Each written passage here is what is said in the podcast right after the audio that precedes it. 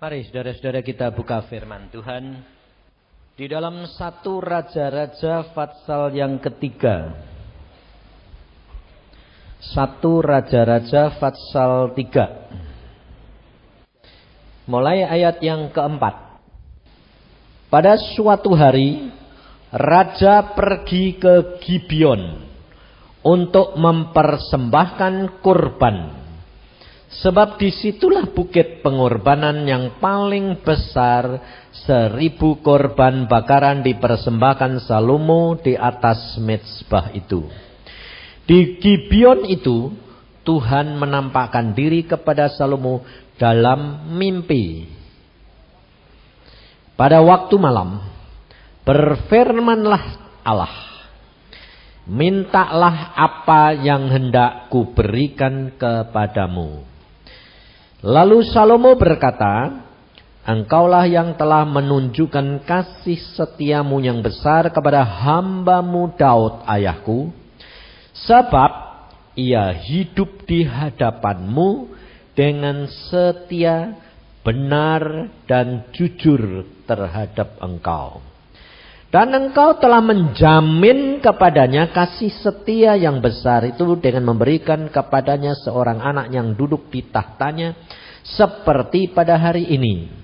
Maka sekarang ya Tuhan Allahku, engkaulah yang mengangkat hambamu ini menjadi raja menggantikan Daud ayahku sekalipun aku masih sangat muda. Sebel dan belum berpengalaman. Demikianlah hambamu ini berada di tengah-tengah umatmu yang kau pilih. Suatu umat yang besar yang tidak terhitung dan tidak terkira banyaknya. Maka berikanlah kepada hambamu ini hati yang faham menimbang perkara untuk menghakimi umatmu dengan dapat membedakan antara yang baik dan yang jahat.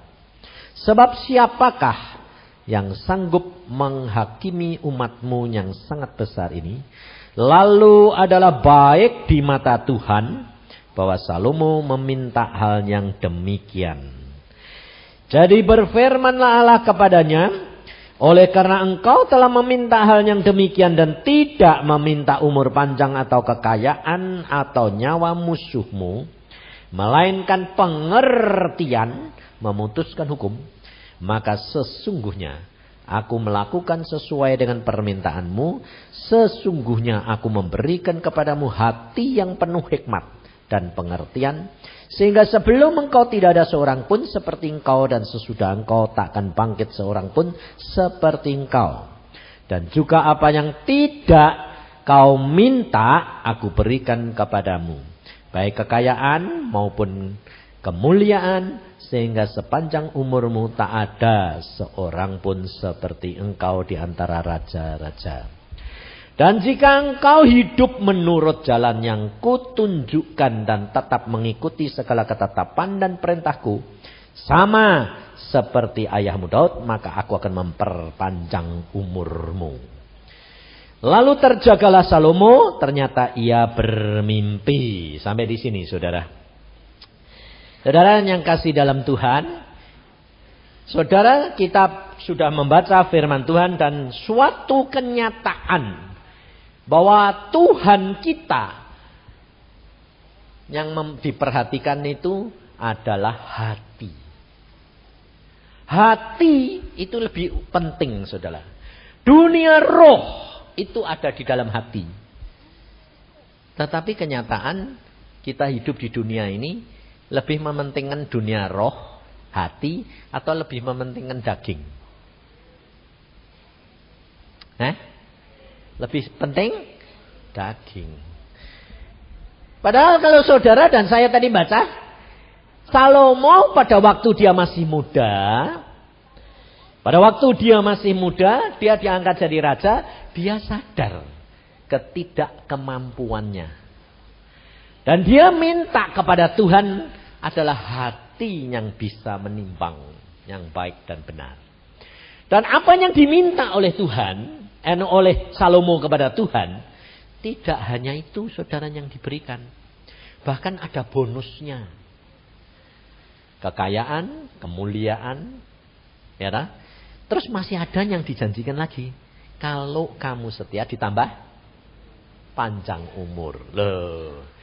Maka dari itu saudara, kita itu kalau menjadi orang Kristen, jangan tanggung-tanggung.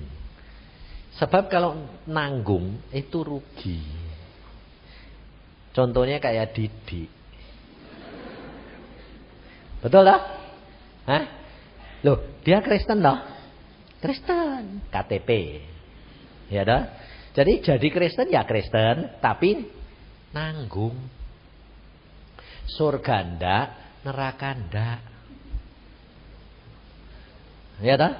Maka dari itu saudara, kita jadi orang Kristen tuh jangan rugi. Sebabnya apa?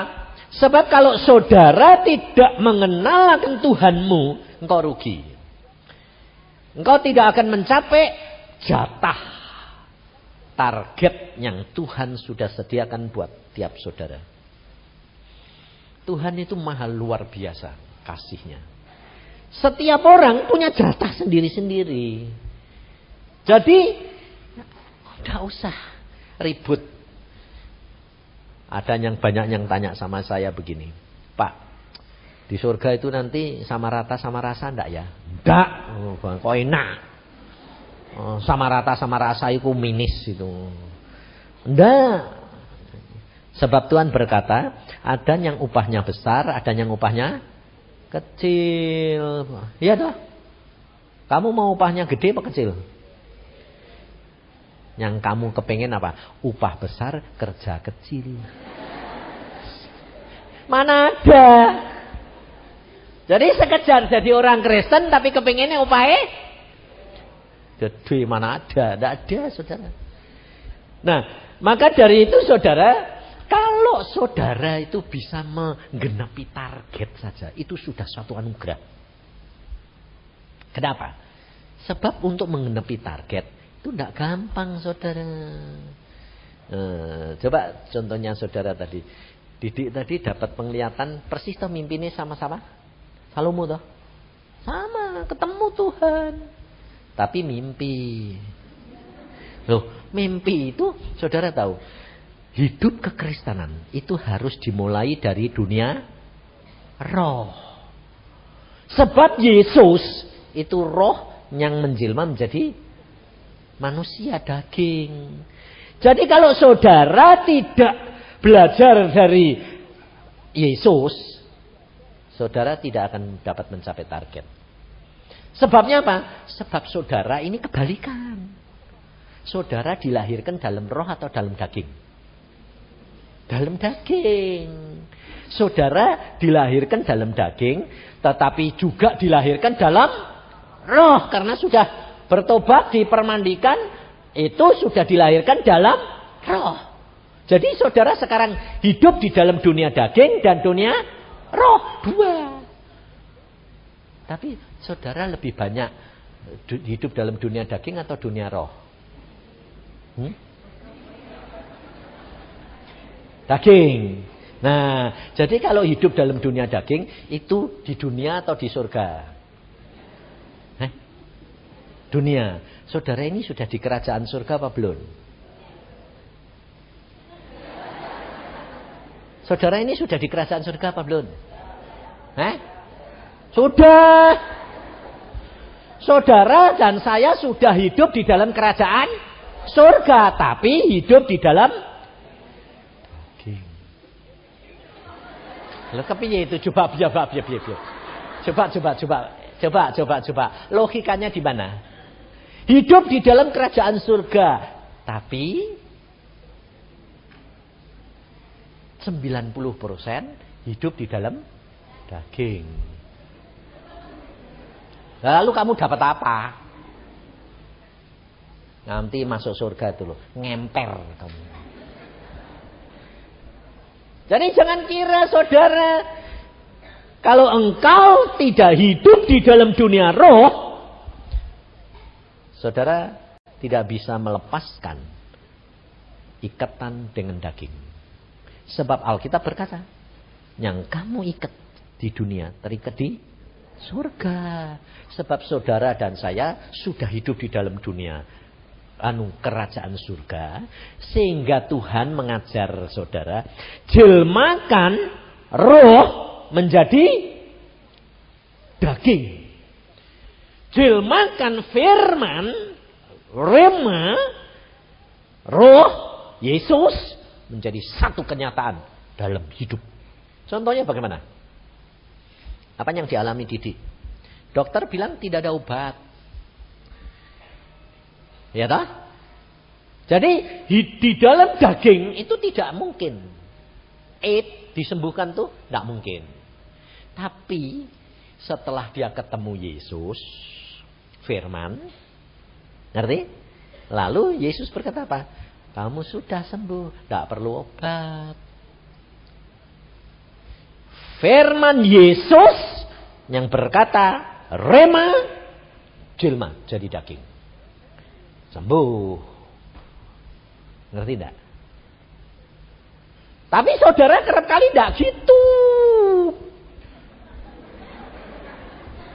Saudara kebalik. Saudara baca firman, terus saudara senang sesuatu, terus saudara bilang, tak iman. Betul tak? Eh? Jadi yang kamu imani itu sebetulnya rema atau kehendakmu? Hmm? Kehendakmu. Sebab apa? Sebab kamu masih hidup di dalam dunia daging. Contohnya anak muda ini. Anak muda ini coba. Waktu Salomo masih muda. Dia memikirkan perkara kerajaan. Karena dia diangkat Tuhan jadi raja, dia sadar dia tidak mampu. Dia yang diminta adalah hati yang bisa menimbang. Nah, tetapi saudara, lalu kenyataan setelah dia diberikan kebijaksanaan dan akal budi begitu hebat, lalu semua raja di sekitar timur tengah sana kagum-kagum. Biasanya kalau kagum itu lalu ngasih apa? Upeti persembahan. Termasuk anak-anak eh kepengen punya mantu. Jadi putri-putri raja ini dikasihkan Salomo. Loh, sekarang saya tanya, Salomo itu kepengen ndak istrinya itu seribu? Hah? Hah? Enggak, saya yakin Salomo pasti tidak kepingin. Sebab gak kuat. Kalau digilir setiap hari satu hari, tiga tahun. Lah kan bodol. Loh betul dah? Lah istri kok seribu? Lah ketemu nih itu kapan? Kalau digilir setiap hari satu hari saja Tiga tahun. Baru ketemu balik meneh. Jadi saya yakin Salomo tidak kepingin toh? Enggak. Tapi gara-gara di sodori. Karena apa disodori kenapa? Karena ke hikmat, kepandaian maupun kebijaksanaan. Nah, ya toh? Padahal Tuhan Yesus, Tuhan janjinya apa? Kamu tidak minta kekayaan maupun apa, tapi aku tambahi kekayaan. Tapi Tuhan tidak pernah janjikan tambah istrinya banyak. Dah. Enggak toh? Enggak toh? Tapi sama Salomo diterima. Akhirnya diterima itu kaya harta benda, kaya istri. Betul toh? Tidak ada yang tidak kaya istri. Aku seribu kok, bayangin. Aku sampai geleng-geleng. Sampai tidak bisa bayangin saya itu. Tuhan istri kok seribu. Punya satu eh repot istri. Betul tidak? Menyesuaikan itu repot. Satu jalur. Dua lebih repot meneh ya toh. Cakar-cakaran. Ini seribu bayangin. Ya pada makan hati. Saudara, gara-gara istrinya banyak, Karena berkat yang berlimpah. Apa terjadi? Hati Salomo tidak sepenuh hati kepada Tuhan. Maka dari itu akhirnya berkat yang disediakan oleh raja-raja ini menjadi apa? Jerat. Nah, saudara tidak sadar itu. Saudara tidak sadar bahwa hidup kekristenanmu kerap kali itu kamu kejerat dengan apa yang kamu kira itu berkat. Maka dari itu saudara, kita harus menjaga apa? Motivasi hati kita yang tulus terhadap Tuhan. Kalau saudara tidak menjaga motivasi hati, pasti jalanmu menceng. Tidak mungkin. Kenapa? Karena Tuhan berkata di dalam Yohanes 15, firmanku yang membersihkan kamu. Jadi kalau saudara dan saya kurang membaca firman, pasti menceng. Karena apa? Karena kita itu selalu condong, cenderung selalu berbuat dosa. Menyenangkan hati atau menyenangkan daging? Daging, saudara. Lah, coba tanyain sama Didi. Didi tadi tidak cerita. Dia gara-gara ke Jakarta, terus kurang pergi ke gereja, perginya ke disco, ya nah. Karena apa? Karena bergemerlapan di berkat-berkat itu yang Tuhan berikan. Kira-kira kalau dia tidak punya duit ke disco, ngapain? Betul tidak? Jadi hati-hati saudara. Tapi kalau saudara dan saya menjaga hati, Tuhan itu semua disediakan saudara. Berkat itu gampang. Tidak masalah buat Tuhan. Sebab kalau kamu minta hati kepada Tuhan yang benar, motivasi hati, semua disediakan. Lihat, Salomo minta cuma hati menimbang, ditambahi kekayaan, kemuliaan. Tetapi saudara dan saya mengerti firman, belum jaminan. Salomo mengerti firman. Bahkan dia sendiri mengatakan dalam karangannya. Coba kita baca di dalam Amsal. Di dalam Amsal itu karangan dia, saudara. Dia berkata begini, di dalam Amsal 22. Amsal 22 ayat yang keempat. Dia berkata begini, ini karangannya dia sendiri. Ganjaran kerendahan hati dan takut akan Tuhan adalah kekayaan, kehormatan, dan kehidupan. Loh, luar biasa toh? Dia tahu, dia ngajar, dia pengkhotbah. Loh, pengkhotbah itu karangannya siapa? Salomo. Tapi dia sendiri jah Ngerti saudara? Makanya saya bilang, kamu saudara itu harus berdoa untuk hamba-hamba Tuhan. Karena hamba-hamba Tuhan itu susah masuk surga. Kenapa? Karena bisa ngomong tapi tidak bisa melakukan. Makanya kalau hamba Tuhan itu ngajar saudara gini-gini, Tuhan Yesus bilang apa? Ini dipegang. Jangan lalu bilang, hamba Tuhan itu gini, pasti benar. Belum tentu. Tuhan Yesus bilang apa? Pengajarannya dengarkan. Tapi perbuatannya jangan. Tapi saudara selalu kalau kalau hamba Tuhan ngomong gitu, saudara pikir perbuatannya sudah pasti gitu dah. Salah. Makanya Yusuf Roni pernah ngomong gini. Waktu ada orang orang itu masuk surga sama Petrus. Tadi Didi kan ketemu Petrus. Sama Petrus disalami. Tapi waktu hamba Tuhan masuk surga, dirangkul, diciumi sama Petrus. Lalu orang-orang yang di surga bilang ini, Petrus, kamu ndak adil dong. Saya masuk surga kok cuma mbok salami. Kalau hamba Tuhan kok mbok cium-cium sih? Rangkul-rangkul. Petrus jawabannya apa? Kamu tahu? Kalau kamu itu loh masuk surga itu biasa. Percaya masuk, percaya masuk. Tapi kalau ada hamba Tuhan bisa masuk surga, itu ajaib.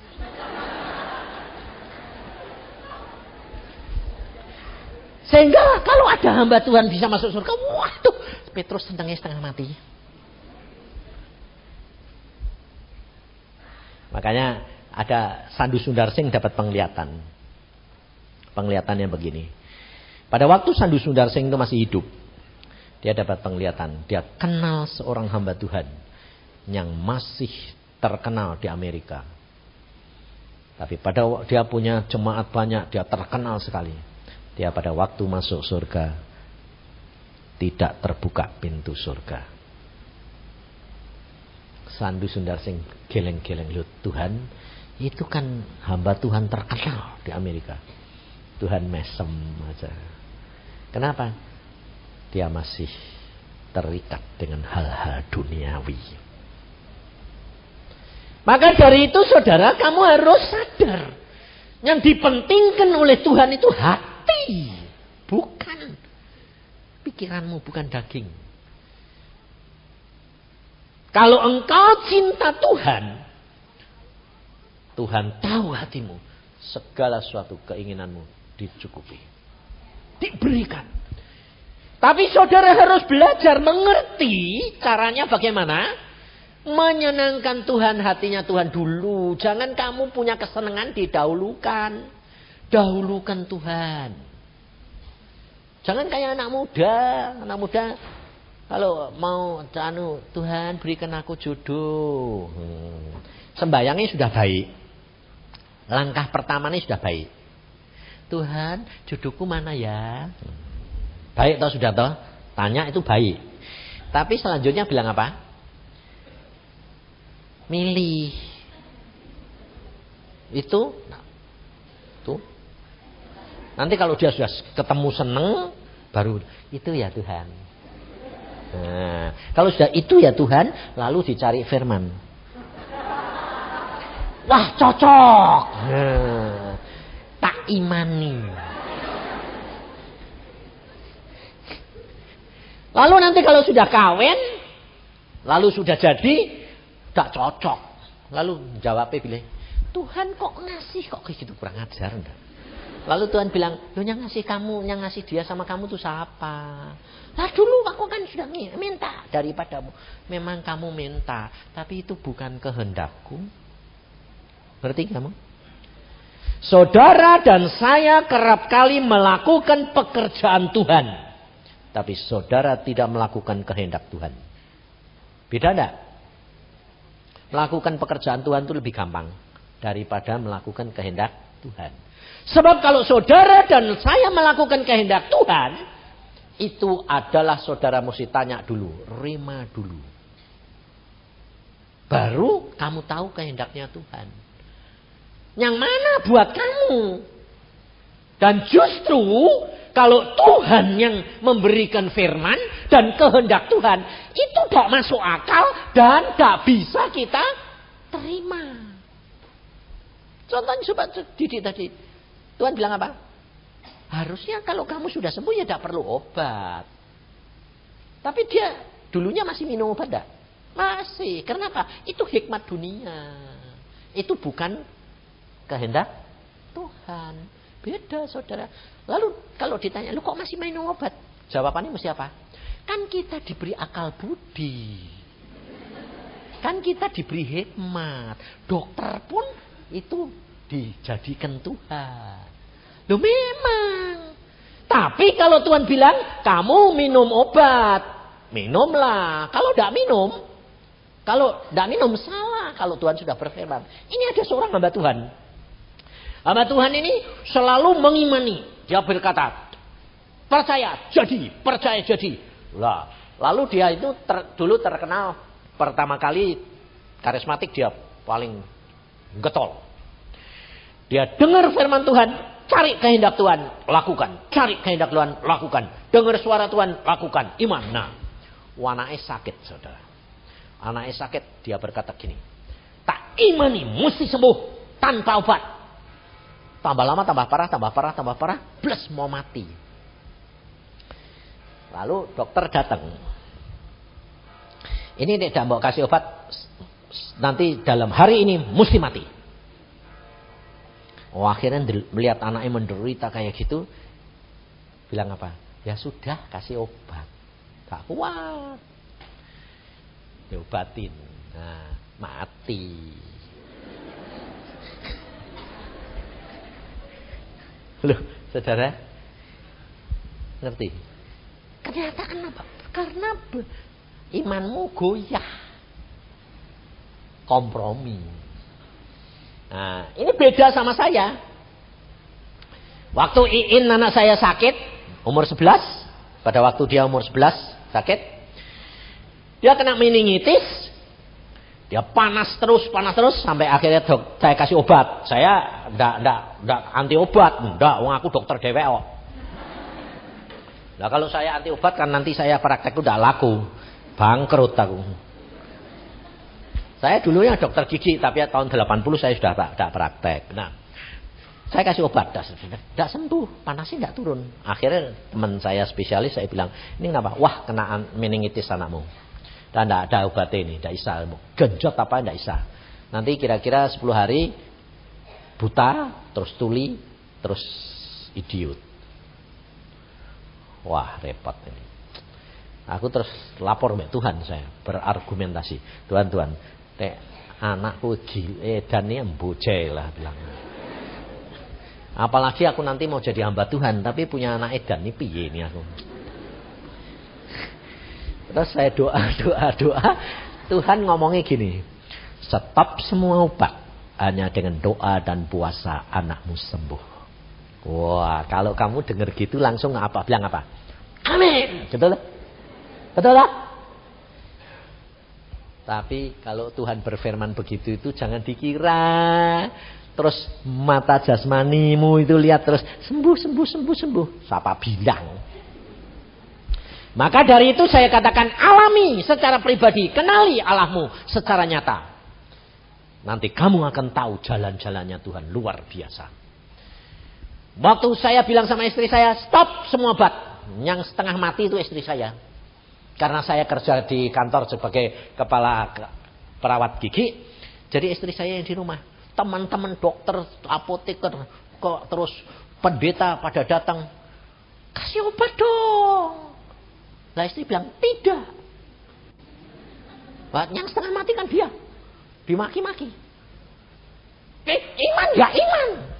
Tapi jangan nggak pakai akal. Nah, tapi istri saya hebat. Dia bilang apa? Enggak. Sampai satu teman saya saudara, teman baik. Dia bilang apa? Wah, bapak eh sinting. Anakku diculik. Bayangin saudara. Dia yang bukan anaknya lebih ribut daripada saya.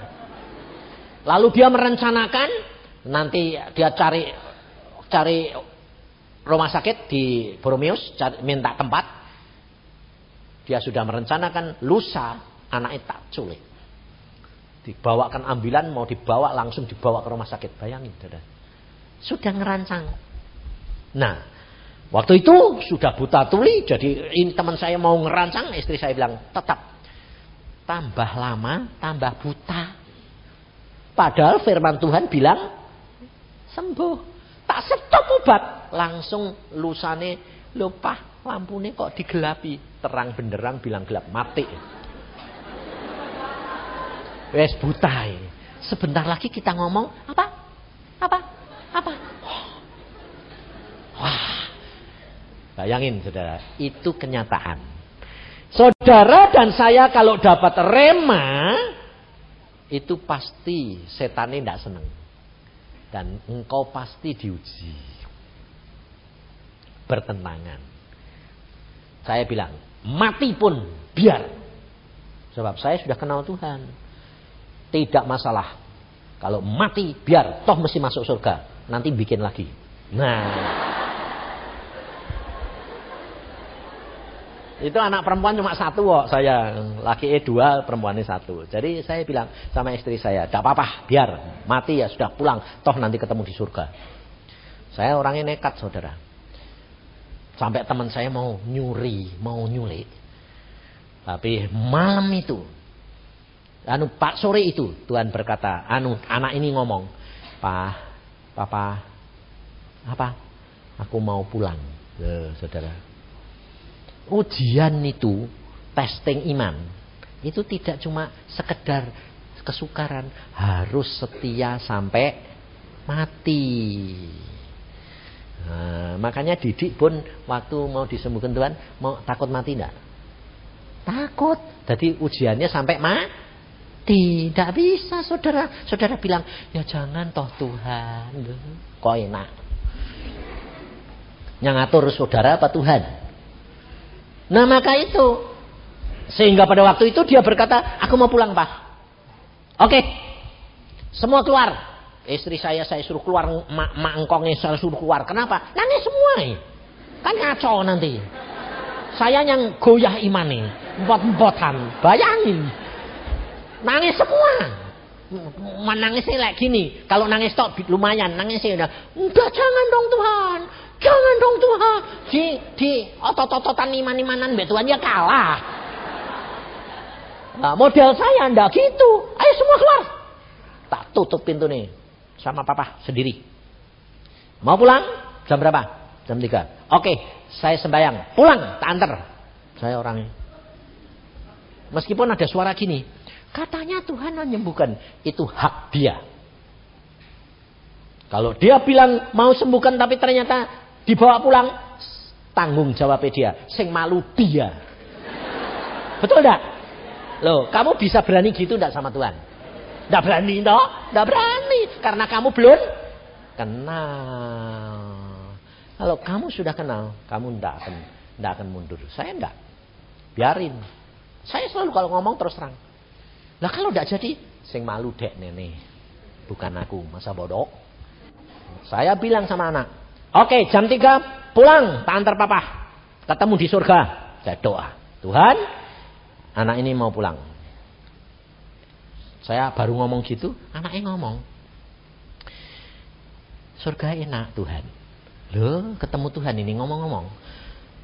Pak denger ke? Kalau enak mau Tuhan pulang. Loh, suruh balik Tuhan. Ya balik, enggak apa-apa Tuhan. Tak sukamu. Sebentar lagi bilang, setan jahat kamu. Enggak, Tuhan baik. Tuhan tuh baik, enggak pernah jahat. Nah, saya bilang, wah dialuh ini. Langsung saya sembahyang. Nah, mesti sembahyang saya. Tuhan, kalau anakku mbok suruh balik, jamin nanti hidupnya berkenan kepadamu dan tidak akan terhilang. Kalau sampai besar terhilang, lebih baik pulang sekarang. Sebab aku tidak tahu nanti gede ini jadi apa, ya toh? tak minta jaminan Tuhan.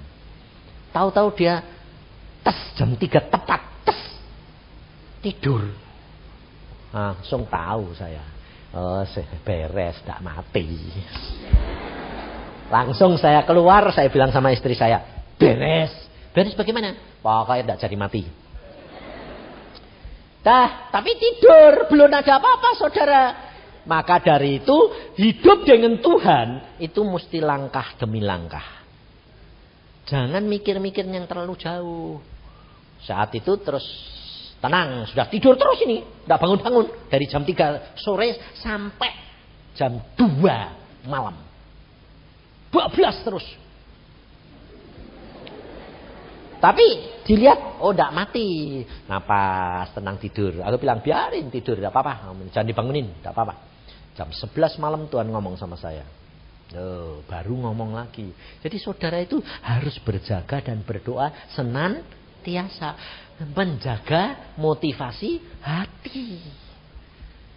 Jadi kalau Tuhan ngomong, kamu dengar. Eh, kamu pusing dengan akalmu nih. Ah, bagaimana? Apa? apa? Tuhan yang ngomong. Tidak dengar kamu. Telat. Saya diem. Terus jam 11 Tuhan ngomong, sekarang. Apa Tuhan kok sekarang ada apa? Aku mau bertindak. Ya. Loh, bukan saya. Dia yang mau bertindak. Kumpulkan semua. Sembayang. Sembayang semua. Uh, kumpul sembayang. Lah, kalau punya masalah, sembayangnya kan ngotot toh.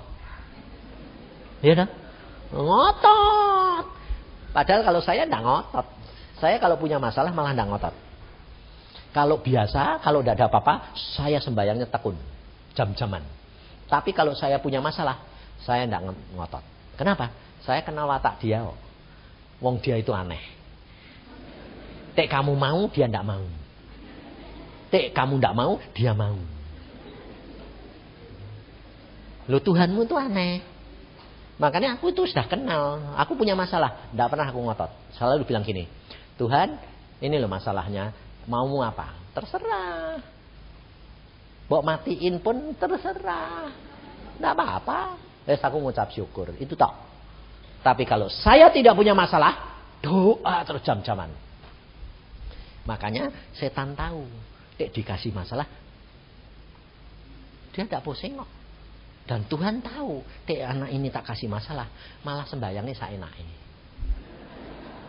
Dek jangan punya masalah, sembayangnya tekun, kebalikan sama kamu. Kalau dikasih masalah, tekun. Tidak ada masalah, kurang. Lah Tuhan kan kepingin deket sama kamu. Jadi dikasih masalah. Makanya masalahmu itu tidak barbar. Kenapa? Lah karena kalau ada masalah kamu ngotot. Salah saudara. Tidak ada masalah, cinta Tuhan. Ada masalah, ngucap syukur, dia bertindak. Wong dia maha kuasa. Dia berkata, akulah jalan kebenaran dan hidup. Saudara tidak usah takut. Iya dah? Saudara tidak perlu takut. Dong dia jalani kok. Yang punya dia. Segala-galanya yang punya dia. Ngapain pusing-pusing? Santai aja. Makanya pada waktu itu saya bilang, apa Tuhan? Doa. Ya doa. Nyembah, ngucap syukur, bahasa lidah. Toh. Tidak minta apa-apa Tapi bapakku, mamaku. Aku bilang, ya yes, ben lah Tuhan mong dek nenek ngotot. Toh memang Tuhan sudah janji ya wis.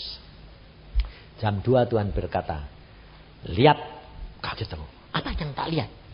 Eh, aku dikasih penglihatan. Loh, ada kera dua di dadani Iin. Loh, loh kok ada setan? Oh ini yang gara-gara bikin panas terus ini ini toh. Aku bilang, dalam nama Tuhan Yesus, setan kera, pergi. Dia pergi. Nemplok ngene gegere istrisu. Plok. Lu yang ini di sini nih. Pindah saudara. Tapi dia tahu. Ini di gegerku. Dia bilang. Aku bilang. Eh eh eh. Gak boleh. Ayo pulang. Kamu dari mana? Dari Linggar Jati. Loh. Luar sana. Pulang pulang. Bilang. Bang, bangun buka mata. Loh papa, mama, lu kok kumpul semua kenapa? Loh saudara.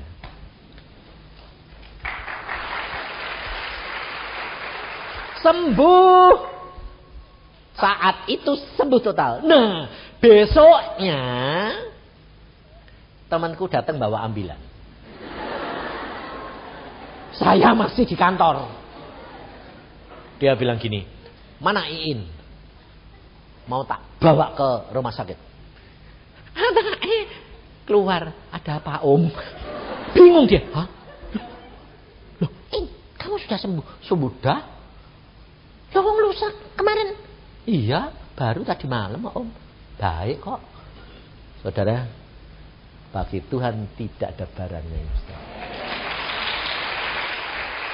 Maka dari itu saudara, hiduplah dengan Tuhanmu. Engkau tidak perlu takut apa pun yang terjadi, tidak perlu takut. Aku ngalami semua. Yang namanya lumpuh pernah. Nah nyatanya saya sembuh Ndak, ndak. Kurang-kurang artinya lumpuhkan. Biasanya dia lumpuhkan. Ndak bisa sempurna toh. Saya mana sempurna? Wong Tuhan bilang sembuh. Sembuh. Sempurna. Mati pernah. Makanya saya bisa cerita orang mati. Kalau mati itu wong gampang. Napas berhenti tiga kali tarik napas. Terus keluar. Nanti yang keluar persis kamu. Makanya saya lihat keluar, loh kok ada Yusa dua? Oh itu tubuh. Oh ini jiwa sama roh. Saya bisa cerita saudara. Lalu saya bilang gini. Oh bisa mati. Lah, sayang ucap syukur. Tidak seperti Didi. Nah Didi eh, belum kenal pada waktu itu. Sekarang saya yakin dia tidak takut mati.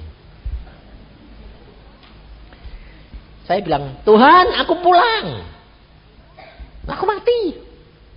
Langit terbuka. Saya ketemu. Tuhan Yesus duduk di atas tahta. Aku bilang, Tuhan aku pulang. Tuhan ini mesem gini. Hmm. Tak boleh. Loh, bayangin saudara. Aku bilang, loh Tuhan aku mau pulang. Tugasmu belum selesai. Nanti aku jemput kamu sendiri. Aku kepengen pulang. Tidak. Selesaiin tugasmu dulu. Terus aku baik, bikin alasan. Jantungku berhenti. Aku bilang gini. Tuhan bilang apa? Tidak masalah. Jantung berhenti kok tidak masalah. Nah, kalau tidak Tuhan itu siapa lagi bayangin. Dia cuma gini. Lihat, lihat, lihat. Saya bilang, ada apa? Tangannya ini. Ting. Sinar. Trrr, masuk ke jantung saya meledak. Lu jalan. Aku bilang, eh jalan. Jantungnya duduk lo jalan. Ayo masuk. Enggak mau. Tangan Tuhan itu jadi panjang. Saya dijumput tok. Tek, dilempar. Pluk, masuk. Loh. Kalau saudara itu tidak ngalami. Saudara takut mati. Benar? Makanya kalau istri saya itu kalau sakit. Kalau dia bilang, yang yang yang pembuluh darah Anda sana kok tengkuku kok mau pecah siang. Sebab dia itu punya kelemahan. Kelemahannya apa? Pembuluh darahnya rapuh. Nah, saya dulu waktu pacaran sama dia enggak tahu. Enggak tahu. Wong saya dikasih dia itu belum kenal sama dia. Mimpi itu sudah ketemu. Ada perempuan jalan. Dik, dik, dik, dik, dik, dik.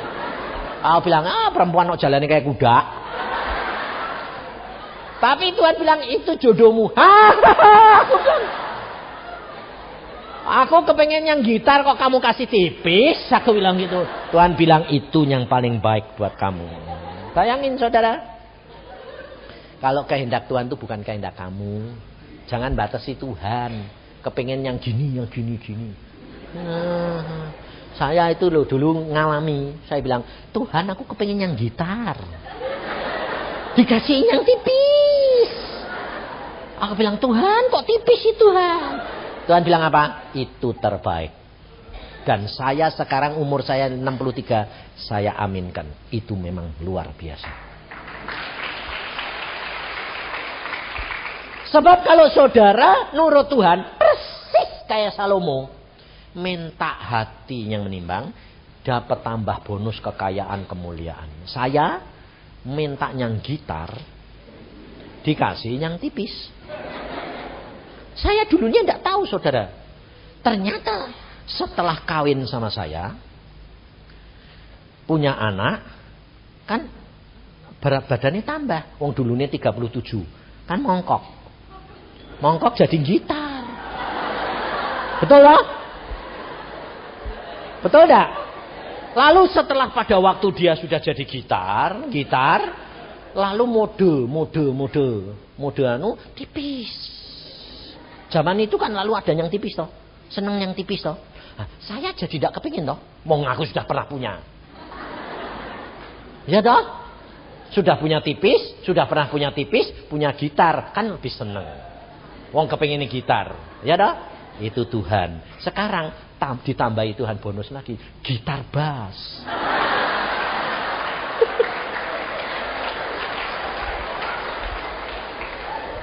Tuhan luar biasa toh? Nah, ya makanya. Kalau sama Tuhan tuh loh saudara, lakukan firman Tuhan itu nanti kau akan melihat kemuliaan Tuhan demi kemuliaan Tuhan. Jadi saya itu tambah lama, tambah tua gini, tambah seneng karena apa? Mengalami tiga generasi. Ya tipis. Ya gitar, ya gitar bass. Karena dulunya beratnya itu 37, sekarang 73. Makanya saudara saya tuh menikmati. Benar, saya nikmati. Saya tambah lama sama dia tambah sayang. Kenapa? Sebabnya sekarang kan gede. Tek ke mana-mana ndak tak gandeng, tek jatuh kan repot. Saya yang rugi. Kalau dulu waktu muda dia bilang gini, kamu kok dulu ndak tahu gandeng lah, kamu tipis gandeng yang gerundung ndak apa Sekarang ngomong repot Eman-eman nung barang antik kok. Loh, saudara, hidup dengan Tuhan itu tambah lama tambah manis. Jangan hidup kayak orang dunia. Pertama manis, lama-lama jadi pahit. Nah, hidup dengan Tuhan itu luar biasa. Ini di Cirebon.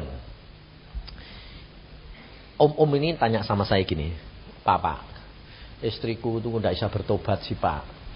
Loh, kamu sudah bertobat berapa lama? 15 tahun. Lah kenapa istrimu tidak bertobat? Tidak tahu pak. Tidak mau diajak ke gereja aja tidak mau. Terus saya bilang gini, Tuhan ini kasihan dong Tuhan. Eh Tuhan ini bilang apa? Dia beriman tapi tidak pernah berbuat. Aku yang ngomong gitu.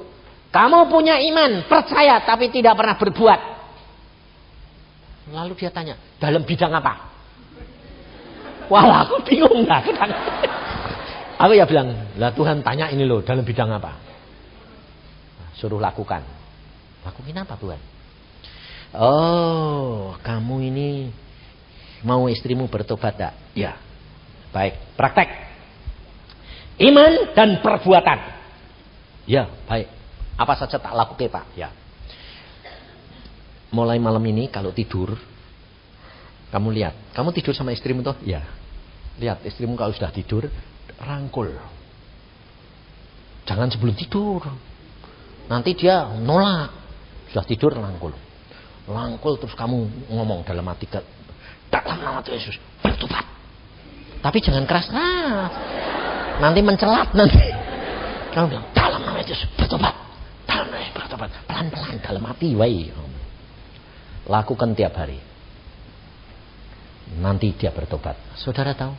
15 hari kemudian. Cuma 15 hari loh. Kok ditunggu 15 tahun? Dia mau ke gereja minggu-minggu, istrinya tanya, lupa mau ke mana? Mau ke gereja. Aku ikut. Aneh enggak? Oh, sampai dia, Ma, mau ikut? Ya. Kenapa? Aku mau bertobat. Kenapa, Ma? Karena papa mulai 15 hari yang lalu berubah.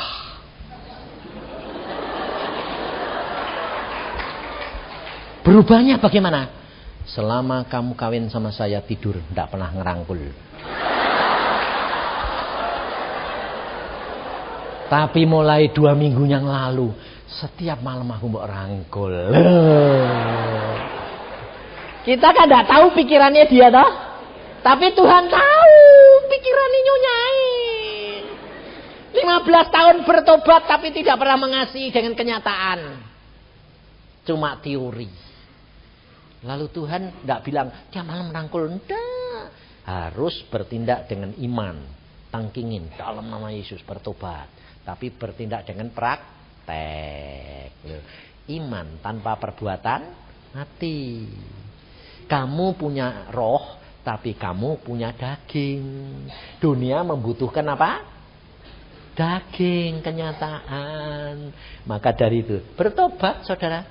Lalu ditemuin saya, Pak ini loh istri saya bertobat luar biasa ya Pak. Tapi dia tidak berani cerita. Aku tak rangkul, tak tangkingin. Lalu saya tanya sama istrinya, lalu bagaimana Bu? Sekarang tiap malam dirangkul apa enggak? Oh terus Pak.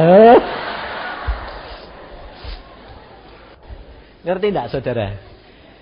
Jadi saudara hidup di dalam Tuhan, tapi saudara juga harus sadar Hidup di dalam dunia perlu kebijaksanaan. Jangan keminter.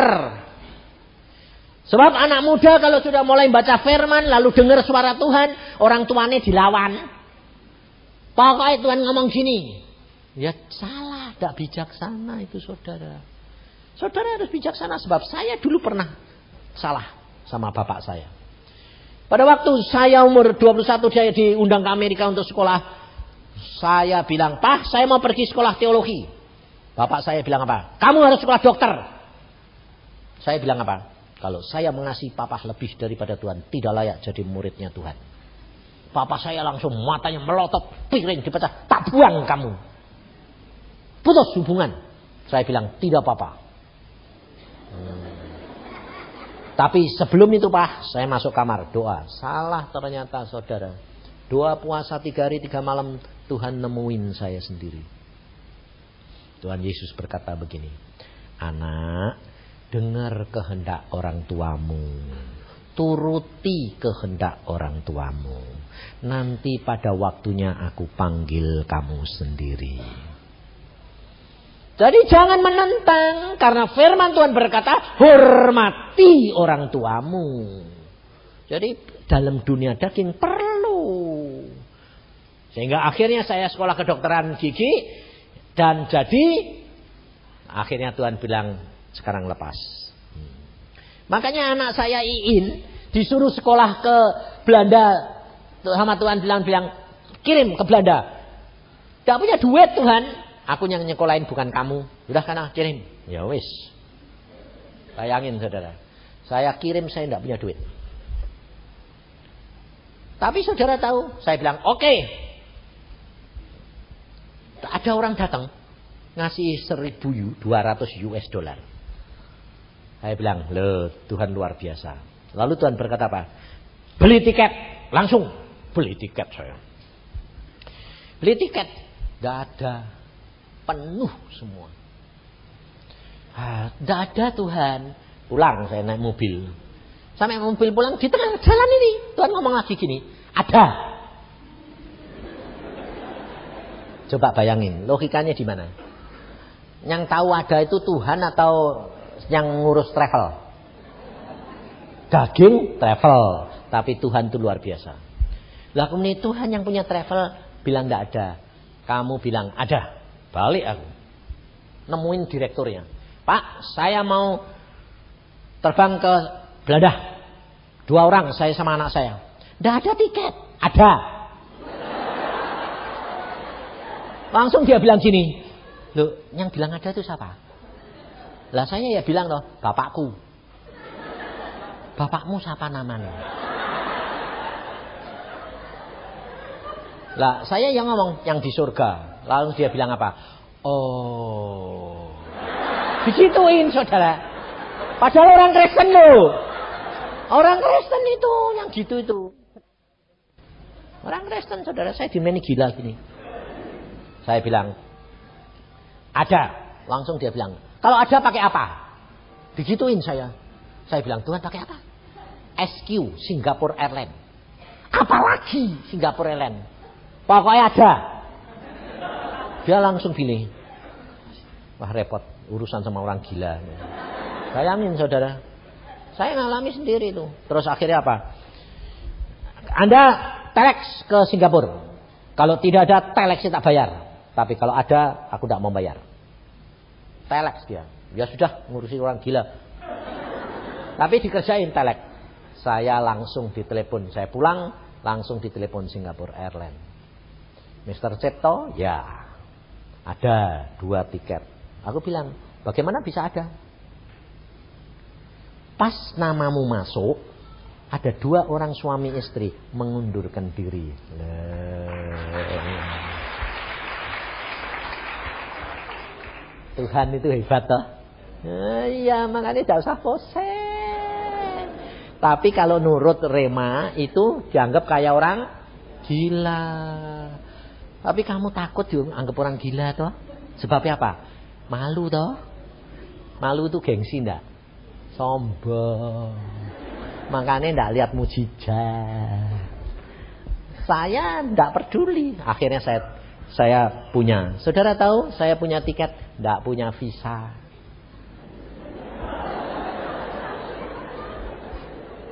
Sebab sebelum dapat tiket harus tiket dulu baru visa saudara. Zaman itu beda. Jadi tiket bilang tidak ada, sedang diurus ke sana. Saya Tuhan bilang kamu pergi ke visa.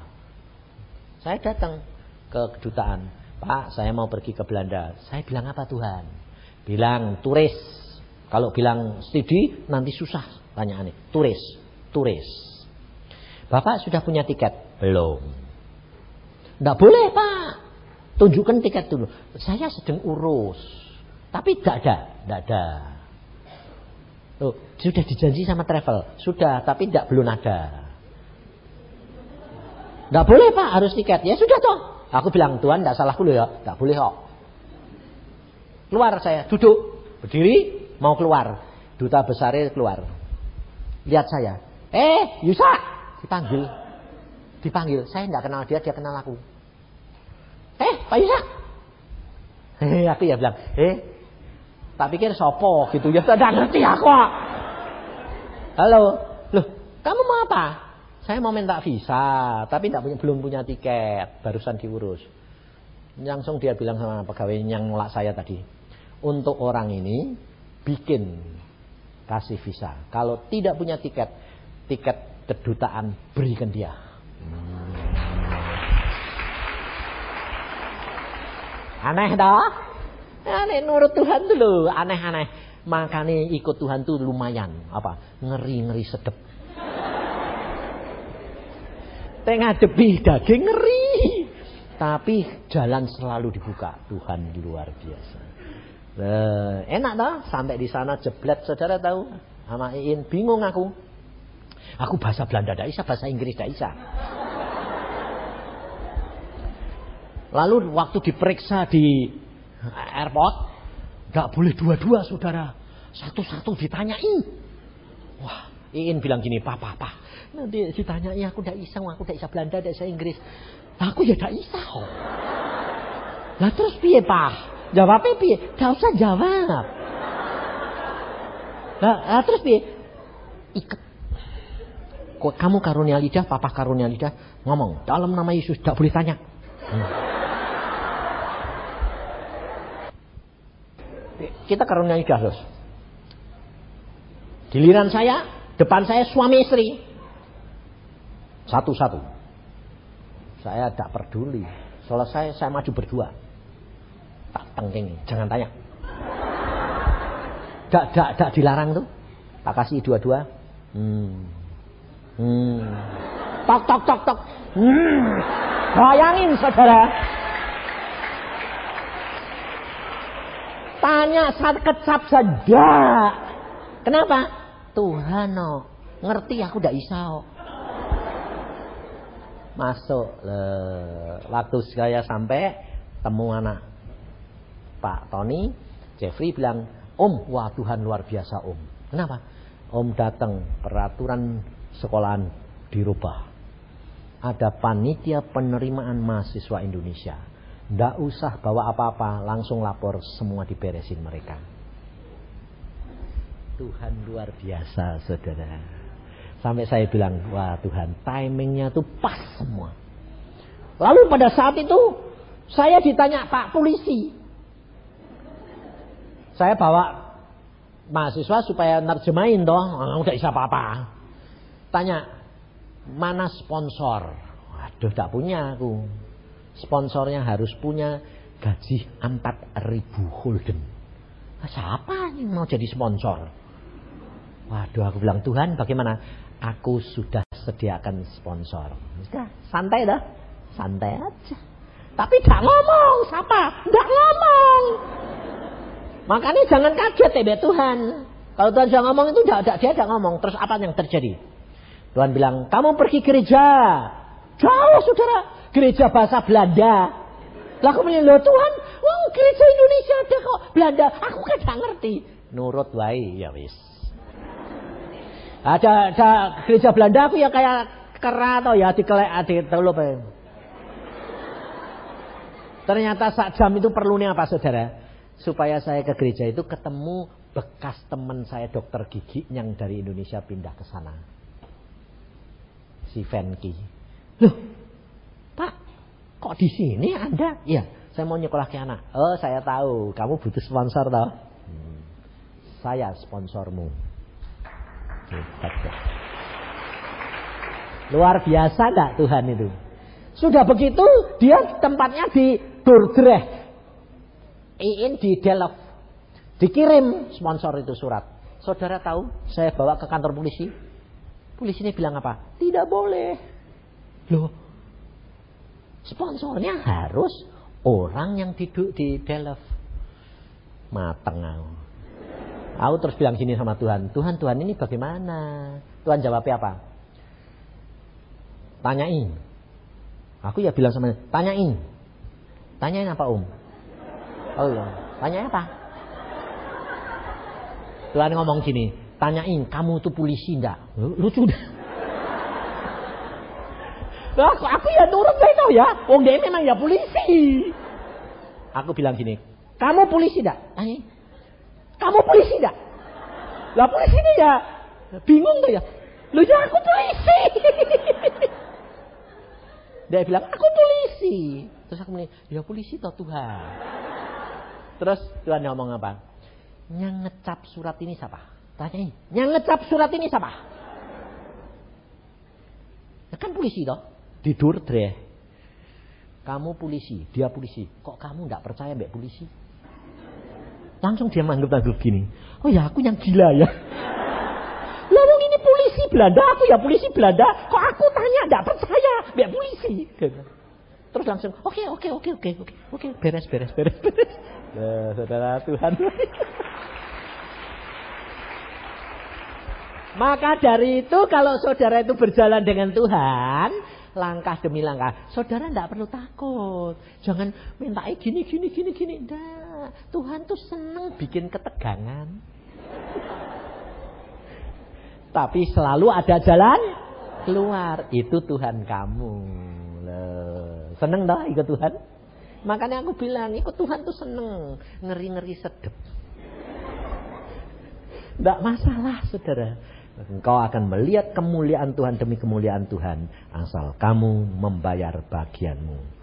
Tuhan akan bayar. Yang penting, saudara perhatikan Salomo. Salomo pada waktu dia tua, dia tidak dengan sepenuh hati ikut Tuhan. Akhirnya Tuhan marah. Maka dari itu saudara dan saya jaga motivasi hati. Selalu berkenan kepada dia. Dengan segenap hati dahulukan dia. Maka dia akan mendahulukan kamu. Amin. Mari kita berdoa. Tuhan Yesus firmanmu sudah hamba sampaikan. Dan engkau lihat keadaan anak-anakmu di tempat ini. Tidak ada seorang pun di antara mereka yang tidak punya masalah. Maka dari itu Tuhan, apa yang engkau katakan hamba sampaikan. Saudara, ingat bahwa Tuhanmu tidak pernah berubah. Saat ini katakan masalahmu di hadapan dia. Tapi ingat, jangan kehendakmu. Tetapi biar kehendak dia yang jadi. Tuhan Yesus di taman Getsemani pun minta, tapi dia berkata, kehendakmu yang jadi.